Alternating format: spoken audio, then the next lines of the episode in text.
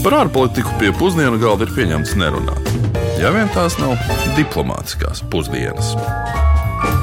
Labdien, un esiet sveicināti Latvijas radio viens ikdienas raidījumā Diplomātiskās pusdienas. Kā ierasts, mēs analizējam eksotiskas, mazāk eksotiskas valstis, sabiedrības un to politisko ekonomiku tajās. Labdien! Šodien dosimies uz relatīvi attālo Dienvidameriku un aplūkosim vēl vienu no atlikušajām valstīm, ko vēl līdzinājos raidījumos neesam apskatījuši. Nu, tajā reģionā. Tajā reģionā, jā. Vairs nav daudz palikuši. Tā ir Ekvadoras republika, un ņemot vērā, ka valsts pa vidu šķērso ekvators, jeb nulles paralēli. Valsts nosaukums principā ir Ekvatora republika. Nu, vēl vairāk šī geogrāfiskā fakta dēļ saulēkts un saulrietis principā nemainās visa gada ietvaros. Respektīvi, saule uzlec 6 no rīta, noriet 6 vakarā, un neatkarīgi vai ziema vai vasara, diena vai nakts ir 12 stundas garas. Par geogrāfiju runājot, Ekvadoras teritorija ir ļoti daudz reižu mainījusi, nu, ja tā var teikt, rokas, un izmērs arī ir palielinājies, samazinājies daudzskaitlīgo karu rezultātā, tostarp karojot vai izlīgstot ar kaimiņiem. Bet būtiski ir atcerēties, ka Ekvadora, kuras teritorija līdz 1533. gadam bija Inku impērijas sastāvā, līdz to nu, atklāja pēdiņās spāņi. Neatkarības diena no Spānijas gan tiek svinēta kopš 1822. gada 24. māja, bet eh, modernās Ekvadoras dzimšanas laiks gan nereti tiek datēts ar liberālo revolūciju 19. gadsimta pašās beigās. Nu, Pēc šīs revolūcijas tika mazināta konservatīvā katoļu baznīcas ietekme, un nu, ne tikai tika atņemta šai baznīcai zeme un uzsākta virkne infrastruktūras projektu, nu, piemēram, dzelzceļa izbūve, bet arī, piemēram, legalizētas laulību šķiršanas. Nu, Tāpat tika legalizēts arī citas reliģijas. Nu jā, valsts 20. gadsimta otrās puses vēsture ir politiski vienlīdz nestabila, valsts ir bijusi virkne militāro diktatūru. Pēdējās desmitgadēs ir bijis visnotaļ ļodzīgs, ja drīkst izteikties, demokrātiskais režīms, kam arī ārpus Covid-19 pandēmijas ir raksturīga bieža ārkārtas stāvokļa izsludināšana, galvenokārt gan lai cīnītos pret noziedzību un narkotiku tirzniecību. Cīņa par nacionālajām politiskajām institūcijām otrajā geogrāfiski visaugstāk virs jūras līmeņa atrodamajā galvaspilsētā arī prasa upurus. Un Ekvadoras gadījumā, diemžēl, nu, burtiski runājot, um, ja galvaspilsēta Kito atrodas 2850 metru augstumā virs jūras līmeņa, un augstāk par to ir tikai Bolīvijas galvaspilsēta. Starp citu, Kito atrodas arī blakus aktīvam vulkānam. Vēl 1999. gadā Pičīņšas vulkāna izvirduma rezultātā pilsēta tika pārklāta ar vulkāniskiem pelniem desmitiem centimetru biezumā. Nu, labi, bet nu, pirms mēs ķeramies pie pamatēdieniem, tad paklausīsimies, ko tad par Ekvadoru zinās sacīt mūsu klausītāji. Ar ko jums asociējas Ekvadora? Ar sauli, piedzīvojumiem, arī vairāk skaņa nekā saturs. Nu, tā ir nu, neatkarīga valsts. Dienvidamerikā. Tur ir džungļi, tur ir kalni. Nē, es tur biju, tā nemāku vairāk neko teikt. Ekvadora ir Dienvidu Amerikas valsts, Amerikas uh, kontinenta valsts. Ļoti skaista. Visiem iesaku braukt. Es tur esmu bijusi. Jā, tiešām. Un tur ir uh, ekvators iet pa vidu, kā jūs zinat, Ekvadorā. Jā. Un iesaku tur aizbraukt. Tur visādas interesantas lietas notiek uz ekvatora. Ekvadora ar kaut ko krāsainu. Ar Dienvidamerika, kalni, kafija. Mm, ar karstumu. Laikam neko. Nav nekas dzirdēts. Kaut kas tāls izklausās pēc silta un pēc banāniem. Jā, siltums noteikti. Mm, no trešajām valstīm, no lēto darba spēku. Par Ekvadoras politiku šoreiz uh, tik daudz galvu varbūt nelauzīsim, lai arī valstī ir obligāta dalība vēlēšanās visiem vecumā no 18 līdz 65 gadiem. Tas tā aktuāli būtu mūsu vēlēšanu nesen notikušo kontekstā. Bet par ekonomiku un juridiskajām lietām gan parunāsim. Ekvadora apdzīvo nedaudz vairāk nekā 17 miljonu cilvēku, un vēl līdz pat 3 miljoniem ekvadoriešu tiek rēķināts, ka dzīvo arī ārpus valsts. Bez naftas iegūšanas un eksporta otrs lielākais ienākuma avots valsts ekonomikai ir tieši nauda, ko ekvadoriešu darba spēks atsūta no ārvalstīm uz mājām.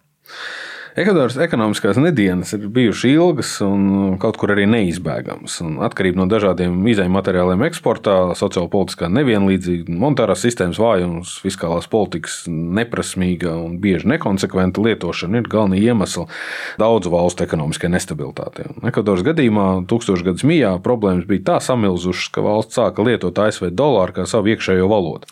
Un jau droši vien jūs klausītāji nebūsiet arī pārsteigti, bet Ekvadora arī pastāvīgi aizņems naudu valsts finanšu plūsmas stabilizēšanai. Un vairāk nekā trīs ceturdaļas no Ekvadoras divpusējā parāda pieder mūsu bieži pieminētajai draudzenei Ķīnai. Te svarīgi atzīmēt, ka daudzpusējs parāds, nu, piemēram, Starptautiskiem valūtas fondam, ir Nu, vēl papildus neatkarīgi cita lieta. Nu jā, kā varat iedomāties, ārvalstu investori nesteidzas ieguldīt naudu Ekvadoras ekonomikā, politiskās nestabilitātes, ekonomiskās nestabilitātes un sevišķi jau arī vājās likuma varas izpratnes dēļ. Katrs prezidents cīnās par savas popularitātes un varas saglabāšanu, nu, kas ir dabiski, bet nu, tostarp tas tiek darīts ar visnotaļ pretrunīgām un populistiskām ekonomiskajām reformām. Divi piemēri. Prezidents Rafaels Koreja savus desmit gadus uh, ilgušās valdīšanas laikā, līdz 2017. gadam, pamanījās būt vienlaicīgi gan sociālistiski orientēts prezidents, kurš palielināja valsts atbalstu sociālajām programmām un valsts izdevumus kopumā, un vēlāk jau arī krītošo naftas cenu un valsts ieņēmumu dēļ arī uzsāka taupības politiku. Arī viņam izdevās nedaudz palielināt valsts ekonomisko izaugsmu un samazināt nevienlīdzību, arī nedaudz, dziļās problēmas uh, Ekvadorā tomēr viņš neatrisināja. Nākamais prezidents ar ļoti interesantu vārdu - Leņņņins Moreno, kurš vadīja valsts līdz 2021. gadam. Turpināja neoliberālās ekonomiskās reformas, samazinot valdības tēriņus, liberalizējot ārējo tirzniecību un derīgo resursu iegūs atļauju izsniegšanu aizsargātajās dabas teritorijās un padarot maigākus darba tiesību likumus, kas aizsargāja darba ņēmējus. Cits starpā viņa vadība atbalstīja naftas iegūs uzsākšanu Orientē, jeb Ekvadoras teritorijā atrodamajos Amazonas mūža mežos. Kā rezultātā varat iedomāties, ka šis neoliberālais Leņņņins Moreno pamet amatu ar zemāku uzticības rādītāju Ekvadoras vēsturē. Tikai 9% iedzīvotāji domāja, ka viņš ir piemērots amatam. Tas ir situācija, ka iepriekšējais prezidents Korejā tajā brīdī vēl tika vainots savu politisko oponentu nolaupīšanā un pat notiesāts par kukuļošanu. Nu, Ekvadoras gadījumā gan tiesu sistēma nereti tiek izmantot politisko rēķinu kārtošanai.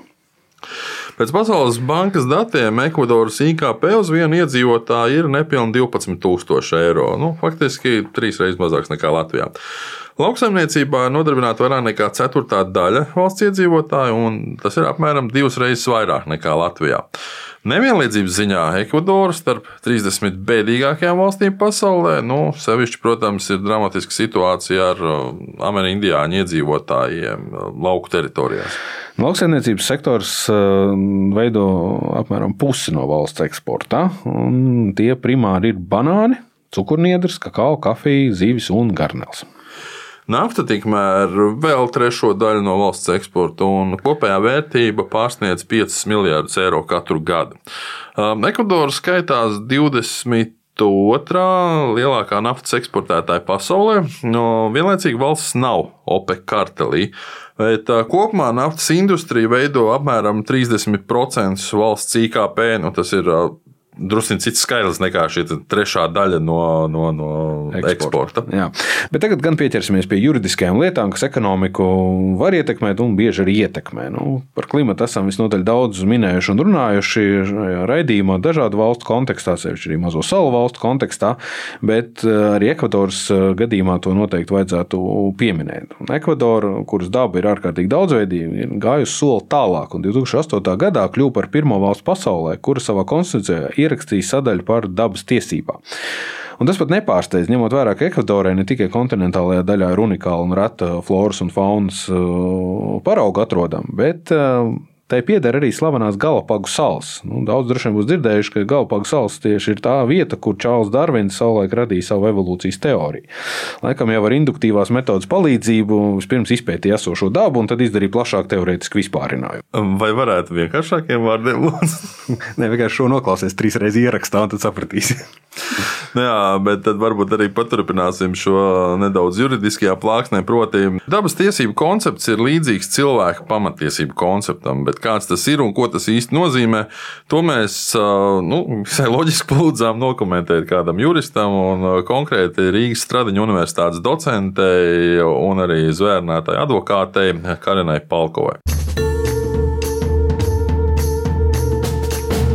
Tiesības uz veselīgu vidi ir pakāpeniski attīstījušas, jāsaka, jau kopš 20. gadsimta 70. gadiem, kad uz tām nu, jau 72. gadā pirmo reizi atsaucās apvienoto nāciju organizācijas konferencē, kur īpaši atzīmēja vidus nozīmīgumu cilvēka ikdienas dzīvē.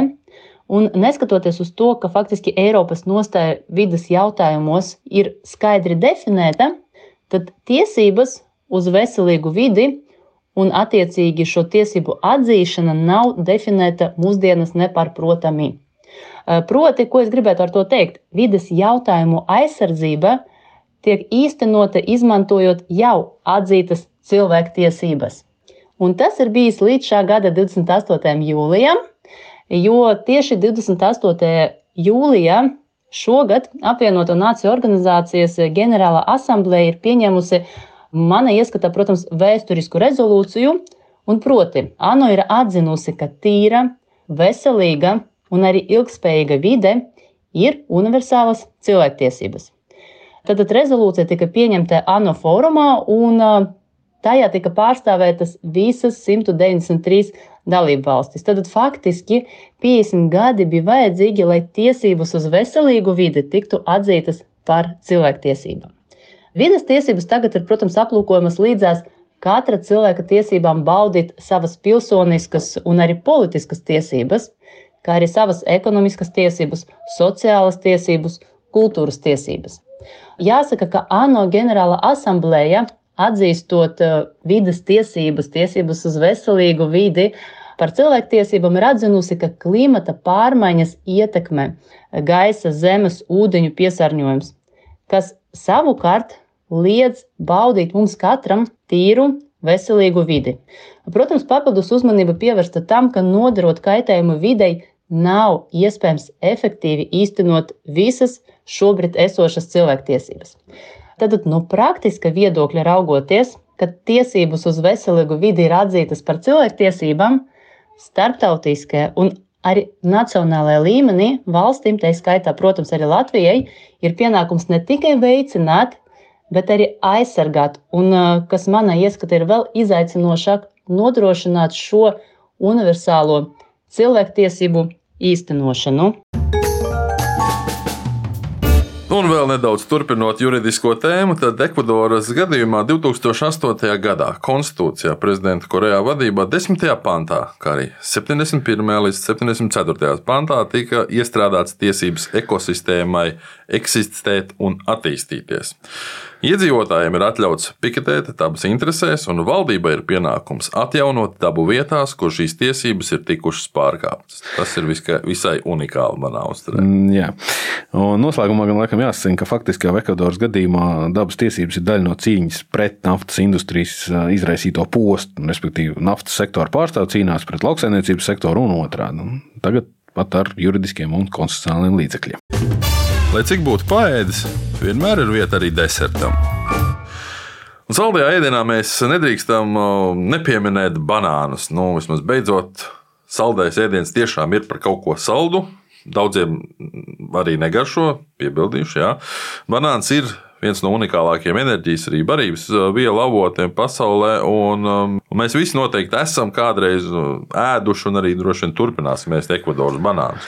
Nu jā, tieši tā, jo tiek rēķināts, ka banānam ir apmēram 12% liela daļa no visa Ekvadoras eksporta. Un, respektīvi, īstākais naftas industrijas konkurents ir banāns. Un Ekvadora ir pats uh, lielākais banānu eksportētājs pasaulē, un kā izrādās, katra piektā banānu kaste ceļoja uz Krieviju un Ukrainu. Nu, Krievija viena pati noēda katru gadu Ekvadoras banānus vairāk nekā 700 miljonu eiro apmērā. Un tagad sankciju dēļ šī ir izvērtusies par pamatīgu problēmu Ekvadoras ekonomikai. Jo nu, 50 tūkstoši cilvēku tieši un vairāk nekā 250 tūkstoši cilvēku netieši ir iesaistīti banānu audzēšanā un eksportā. Ekvadorā, un arī krītošās banānu cenas līdz ar to daudziem sāk šķist katastrofāli. Jā, bet nu, toties kara dēļ ir augušas naftas cenas un Ekvadoras ekonomika diversificēt. Nu, arī Ekvadora ir lielākais uh, banānu eksportētājs. Šis parāda, ka gluži vienkārši par banānu republiku to nosaukt nevarētu un arī nevajadzētu. Šo terminu savulaik, uh, starp citu, piemēroja Hondurasai, tādēļ arī par šo negatīvo konotāciju apveltīto terminu runāsim vairāk nākotnē raidījumā par Hondurasu. Vēl tikai noslēgumā īsa piezīme. Slavenās Panamas cepures, jeb nu, krieviski panamkas, nav patiesībā saistīts ar Panamu, bet gan nāk no Ekvadoras. Tās arī ir pazīstamas kā Ekvadoras cepures. Tās tiek taisītas no salmiem, ko iegūst no palmē līdzīga auga, kur nosaukums ir, nu, es nepārspīlēju, Panamas cepuru augs, jeb Karludovika palmāta. Ekvadoras cepures ir ierakstīts arī UNESCO mantojumā, oficiāli. Bet uh, sajukums uh, vai sajaukums ar to, ka Panamas cepures radies tādēļ, ka ASV prezidents Teodors Rūzvelts 20. gadsimta sākumā, ciemojoties Panamā, uh, skatoties Panamas kanāla būvniecību, bija uzvilcis šo Ekvadoras salmu cepuri. Un ar šo faktu arī noslēdzam mūsu šīs dienas raidījumu. Nākamajā nedēļā dosimies uz pavisam ekskluzīvi, daudziem nu, varbūt pat nedzirdētu valsti, Santome un Principi. Vēl viena tiešām eksotiska vieta, no mūsu platuma grādiem raugoties. Vēl tikai atgādināšu, ka šo raidījumu mums palīdzēja veidot Uldis Česberis, bet mēs Uģis Lībijams un dr. Kārls Bukovskis no jums atvadamies līdz nākošajai nedēļai. Uz sadzirdēšanos! Lai mierīga nedēļa! Diplomātiskās pusdienas katru otrdienu pusdienos Latvijas Radio 1.